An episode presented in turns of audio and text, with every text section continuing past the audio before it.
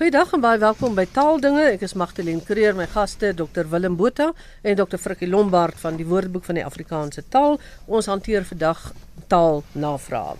En Frikkie, ons skop af met jou. Wat beteken nafrant? En waar kom ons aan hierdie woord? Vra 'n luisteraar van Dispatch en dalk is dit die doring van Dispatch wat dit ingeskryf het. Hmm, wie weet. Nou ja, dit die woord kom uh, erf ons uit Nederlands uit. Hulle het uh, dit weer gekry by Frans. En dit is eintlik 'n teenwoordige deelwoord vorm van navre en dit beteken om te wond of te steek of te sny. Maar dit is nou as dit ware 'n figuurlike verwonding want nafrant beteken op 'n pynlike manier bedroewend. Iets wat pynlik is of dis hartroerend is, dikwels as gevolg van teenstelling of ironie in 'n bepaalde situasie. So nafrante herinneringe is dan herinneringe wat 'n bietjie pynlik is en wat 'n mens bedroef maak. Uh ek kan ook 'n voorbeeld gee hoe die woord gebruik word as nabepaling. Daar is iets nafrants in die afsterwe aan die oorlogsfront van 'n skepende mens in sy vleuer en dit is 'n aanhaling uit 'n burger van 10 April 1986. Dis nafrant beteken op 'n pynlike manier bedroewend. Goed Willem, hoekom praat ons van skoonsister maar van swaar en nie skoonbroer nie? Vra Bux van Pretoria. Ek wil begin deur net 'n uh, paar betekenisse van swaar te gee. Self is ek uh, baie onseker oor familie, nie baie goed daarmee nie. So ek net gehoor of die mense die mekaar gaan raak met hierdie verklaring vir my vir wat 'n swaar ons kan beteken. 1 broer van iemand se eggenoot of eggenote. 2 man van die suster van iemand se vrou. 3 skoonpa van jou kind en 4 aanspreekvorm vir 'n vriend of 'n kennis soos in dag ou swaar. Nou as hulle daai kon doen dan kan hulle lekker verder luister. Skoon in Afrikaans beteken wat aangetroud is, soos 'n skoondogter, skoonsuster, skoonfamilie en skoonma. Dit is dus almal 'n dogter of 'n ma of enige familie wat aangetroud is. Logies gesproke moet ons dus ook van skoonbroer praat. Nou ons het die gebruik van skoonma, skoonsuster ensovoorts uit Nederlands gekry. En interessant genoeg praat Nederlanders van skoonbroer, waar baie van ons van swaar praat. Albei woorde, naamlik swaar en skoonbroer, is egter nog in gebruik in Afrikaans. Meer as die helfte van Afrikaanssprekendes praat van skoonbroer. En dit is veral uh, die bruin Afrikaans sprekende mense wat praat van skoonbroer en daar sluit hulle absoluut aan by die Nederlanders. Skoonma, skoonpa ensovoorts is gevorm na aanleiding van die Franse forme met bou vir mans en bel vir vrouens wat mooi of pragtig beteken soos beau père, dis jou skoonpa of dan nou jou mooi pa, belle mère, skoonma of mooi ma, belle fille, uh, skoondogter en die Nederlanders het bou en bel met skoon vertaal omdat skoon ook mooi kan beteken soos in beeldskoon, baie mooi, die skone kunste, 'n skoonheidskoningin, die natuur skoon ensovoorts. Dit het dus letterlik mooi ma, mooi pa en mooi dogter beteken. Goed Frikkie, hoe kom ons aan die woord tarantaal? Vra Gert Kombrink. Ja, dit is heel interessant Gert. Dit is eintlik 'n vervorming van Terra de Natal en dit is nou nie die Natal wat ons vandag ken nie. Dit was eintlik die gebied ten ooste van Valsbaai is in die heel vroeë jare na die stigting van die nedersetting in die Kaap is is so beskryf. Nou die naam Terre de Natal is gegee, dit is Portugees, dit is gegee deur Vasco da Gama wat dan nou hierdie gebied, kom ons sê maar tussen aanhalingstekens ontdek het en dit was ook op Kersdag 1497 uh, en Terre de Natal beteken dan eintlik die land van die geboorte. Die Engelse praat van uh the nativity, dit is die geboorte van Christus want dit was op Kersdag dat dit plaasgevind het. So Tarantaal is 'n vervorming van hierdie Terre de Natal en wat verder interessant sal wees vir die luisteraars is ons praat mos nou van 'n Tarantaal dikwels ook as 'n poelpetater of 'n poelpetaat en dit is dan weer 'n volksetimologiese vervorming van die Frans pulpeta wat beteken gespikkelde hoender.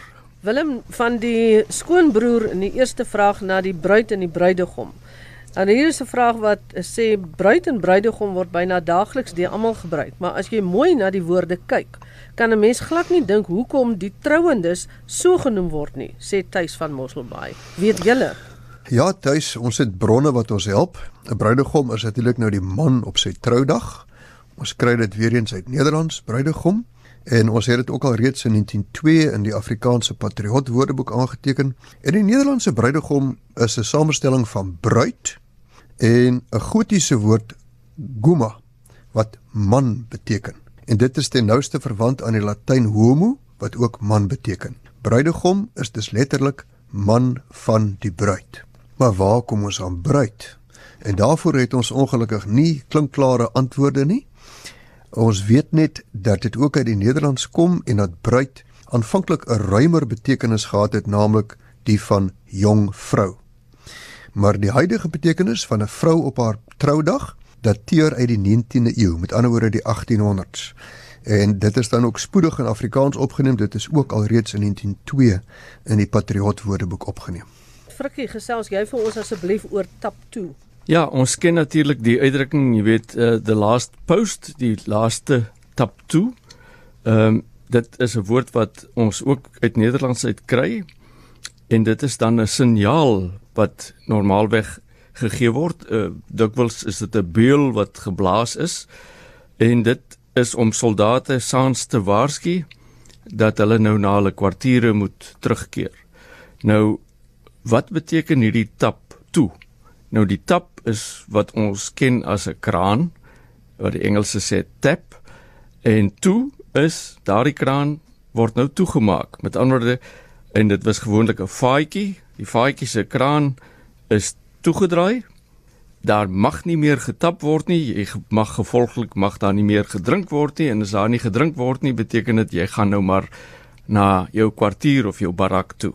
Tap toe is dus daardie signaal wat gegee is aanvanklik om soldate te laat terugkeer na hulle kwartiere. Vir die van julle wat nou nie lekker weet wat die tap toe is waar ons praat nie, kom ons luister na so 'n stukkie dan sal jy dit dalk herken. Ludwig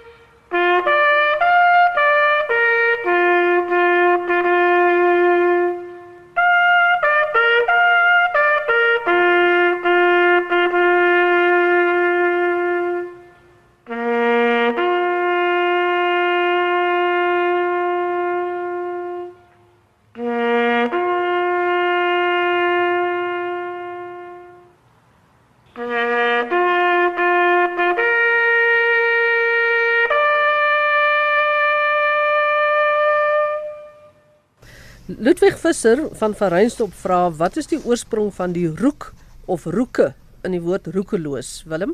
Ja, dankie Ludwig.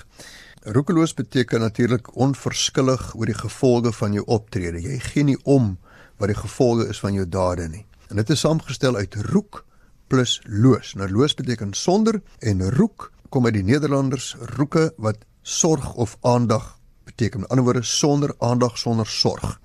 Interessant genoeg, in Nederlands is roek gebruik tot in die 17de eeu en toe het uitgesterf as 'n enkel woord as 'n simplex en dit het, het net voortbestaan net soos in Afrikaans in roekeloos. So roek bestaan nog net in roekeloos in Afrikaans en in Nederlands. En dit is eintlik dieselfde as die Engels reckless. Rek in oud Engels beteken ook care. So dis careless. Frikkie, Brei uit oor die woord portuur, vra Sartjie van Deventer. Ja, dit portuur, ons het nog al 'n hele paar woorde hier gehad wat uit die Nederlands uitkom. Ons ken dit ook maar uit Nederlands uit. Uh dit het 'n wisselvorm partuur en dit kom uit Ou Frans en die oorspronklike betekenis was iemand wat 'n gelyke of geskikte mededinger was en dit het dikwels gegaan oor 'n geveg wat tussen gelyke teenstanders plaasgevind het. Die Latyn partitura uh beteken so 'n verdeling en ek neem aan dit was dan ook 'n soort van gelyke verdeling. Nou as ons vandag praat van portuur dan is daar 'n paar betekenisonderskeidings wat ons aan die woord kan heg. Ons kan eers praat van haar omstandighede verskil van die van haar porture, dan is dit haar omstandighede verskil van mense van gelyke posisie of statuur of ouderdom of vermoë. Dit is die een betekenis daarvan. As ons praat van 'n seun of 'n meisie van haar of van hulle portuur, dan is dit van die posisie of statuur wat hulle het ten opsigte van ouderdom of sosiale stand of vermoëns of intelligensie of iets soortgelyks. 'n Portuur kan ook wees iets wat ten opsigte van kwaliteit of 'n ander ooreenkoms of ooreenkomste met iets anders vergelyk of daarmee in verband gebring kan word of wat op grond van kwaliteit 'n uh, ooreenkoms of ooreenkomste in dieselfde kategorie geplaas kan word as iets. Ehm um, hierdie ingewikkelde bouwerk was 'n waardige portuur van iemand se argitektoniese voortbrengsel. Met ander woorde, dit is op dieselfde vlak. Visser se vrolike slot van die gedig is nie die portuur van Pulvermacher se lakonieke gotiese slot nie. Met ander woorde, dit is iets wat ten opsigte van kwaliteit dan nie in dieselfde klas geval het nie. Willem Johan van die kerk van Bronkhorstspruit reageer op ons uiteensetting van stokperdjie in 'n vorige uitsending. Vir hom is 'n stokperdjie iets wat jy graag doen en dit het dan altyd 'n produk as 'n resultaat. Wie jy vir ons kommentaar lewer? Ja, ek dink wat hier gebeur het is dat ek dink jy het as 'n interjeksie gesê Frikke jy ry mos motorfiets vir 'n stokperdjie en Willem jy draf mos as 'n stokperdjie. Toe sê ons ja. En hy reageer daarop. Hy sê Hy kan nie daarmee saamstem dat dit stokperdjies is nie. Hy sê vir hom is daar baie spesifieke definisie van stokperdjie en dit is 'n stokperdjie is iets wat jy graag doen en dit het 'n produk as resultaat. Daarom is fietsry en draf en swem en boek lees nie vir hom stokperdjies nie, dit is bloot tydverdryf. Maar hy sê tog, maak nie saak wat die stokperdjie is nie, solank dit jou laat wonder, leer jy meer oor die lewe. En dan sê hy ook terloops, jou werk kan ook jou stokperdjie wees as jy dan nou so gelukkig is. Nou uh Johan, ek dink dit is presies soos jy sê dit is jou persoonlike uh begrip van stokperdjie want ehm um, as jy gaan kyk na woordeboeke dan beskou hulle stokperdjie juis as 'n tydverdryf terwyl jy sê dit is nie 'n tydverdryf nie, dit is meer. So ek dink In die algemeen het mense 'n breër begrip oor wat 'n stokperdjie is. Van die woordeboeke sê dis 'n gunsteling tydverdryf of is iets wat jy in jou vrye tyd doen omdat jy dit geniet en agile spesifiek as sinoniem tydverdryf. Uh byvoorbeeld iets soos die politiek is sy stokperdjie. Hy stel maar net belang daarin. Hy gaan nie 'n produk skep nie. En dan ook die Engelse woordeboeke sê, byvoorbeeld die American Heritage wat ek as 'n baie nuttige woordeboek beskou sê, an activity or interest as stamp collecting or gardening engaged in primarily for pleasure en agili sinoniem 'n pastime. So in Hebreë in die algemeen word sokbergie baie weier gesien as iets wat 'n produk oplewer. Frikkie Pieter Bosman vra dat ons die woord stellasie bespreek. Ja, en miskien moet ek nou net 'n bietjie konteks hier gee. Hy Pieter sê hy woon tussen Duitssprekendes, uh, van wie die meeste Afrikaans magtig is en hy het op 'n dag verwys na die toenmalige keiser van Abyssinië, Haile Selassie as die heilige stellasie. En hy moes toe verduidelik wat volksetimologie is en uh, die gehoor het maar taamlik de mekaar geraak. Uh, maar hy moes ook verduidelik wat 'n stellasie is en hy sê die Duits daarvoor gerust is volgens hom bietjie te formeel vir stellasie. Dit verwys miskien na eerder na steierwerk terwyl hy voel dat 'n stellasie iets wat meer lendelam is. Nou, dit is inderdaad so dat uh, as 'n mens in die bouwoordeboek gaan kyk, dan is steierwerk uh, is die woord wat veral gebruik word. Die Engels is daarvoor dan scaffolding en vir stellasies gee hulle gantry. Nou 'n stellasie kan dan miskien so lendelam ding wees, maar in Afrikaans is stellasie dikwels maar gelyk aan steierwerk, met ander woorde daardie daardie raamwerk van pale en planke en selfs ysterpype wat jy teen 'n gebou oprig of wat jy oprig soos 'n gebou vorder sodat jy hom kan af afmessel sodat jy hom kan verf ensovoorts. 'n Installasie kan ook enigiets wees soos waar, waar hoenders saam sit en slaap of iets wat met planke aan mekaar geslaan is, is 'n installasie. Nou waar kom ons aan hierdie woord? Die heel interessante ding is ons sê installasie, die Nederlanders sê stellage en hulle kry dit van die werkwoord stellen plus die Franse uitgang age en daai age uitgang is iets wat 'n woord substantiveer met ander woorde dit maak 'n selfstandige naamwoord daarvoor daarvan jy kry dus stellen plus age en stellen beteken gewoon plaatsen. Iets wat jy iewers neersit wat jy plaas. En 'n stellasie is dan iets wat jy iewers neergesit of geplaas het. Dis hoe die saak in mekaar steek. Willem John Mulder van Pletmerk Baai wil weet wat die voorsetsels saam met sekere vanne soos die tooi van Wyngaard van Rensburg beteken. Dis nou 'n uh, anderste manier van kyk na die voorsetsels. Ja, kom ons begin by die tooi. Die do van die tooi beteken eenvoudig van en die twa of toy beteken die dak. So dis van die dak. Nou ek weet nie of die ouens dalk uh, dakdekkers was nie, maar uh die detoys is van die dak. Die van het aanvanklik letterlik geografies aangedui waar die persoon vandaan kom, soos byvoorbeeld van Rensburg. Nou Rensburg is 'n klein stadjie, 'n Nederlandse stadjie aan die Ryn en daarom was dit eintlik Reinsburg, die vesting of die fort aan die Ryn.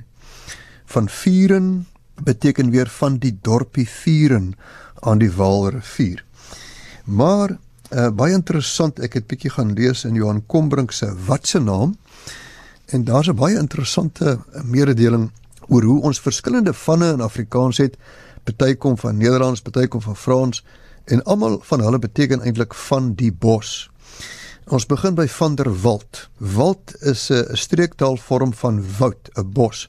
So van der Walt beteken etimologies dieselfde as van der Bos of net bos of bosman almal beteken van die bos.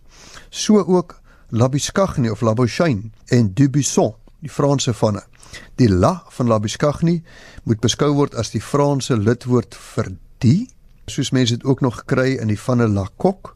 La Coq beteken die haan en La Grancy wat beteken van die skuur of soos die Hollandse van van der skuur is dieselfde as La Grancy. Die Bouchan van Labuschagne beteken klein bos die bousson beteken ook van die bos so uh, van der Walt, van der Bos, Bos, Bosman, Labeskagle en die bousson almal beteken van die bos.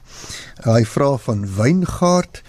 Nou wyngaard is interessant. 'n Gaard is 'n tuin en hy is heeltemal reg as hy sê wyngaard beteken seker eintlik wingerd, maar interessant, boord was oorspronklik boomgaard, boomtuin en toe word dit Bogaard, toe word dit Bogert en toe word dit Boord. 'n uh, Wyngaard is wyntuin of dan nou 'n wingerd. Hy vra ook waar kom Botterivier vandaan?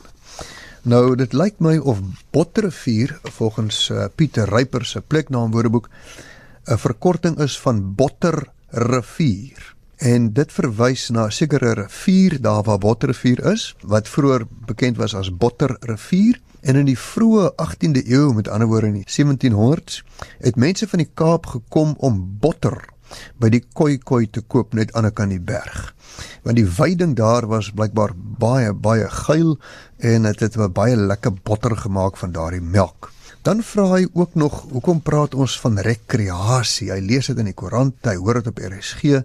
Hoekom praat ons net van ontspanning nie? Is rekreasie nie dalk 'n anglisisme nie? Nou, John, Rekreasie is baie goed gevestig in Afrikaans, maar ontspanning is meer gebruiklik.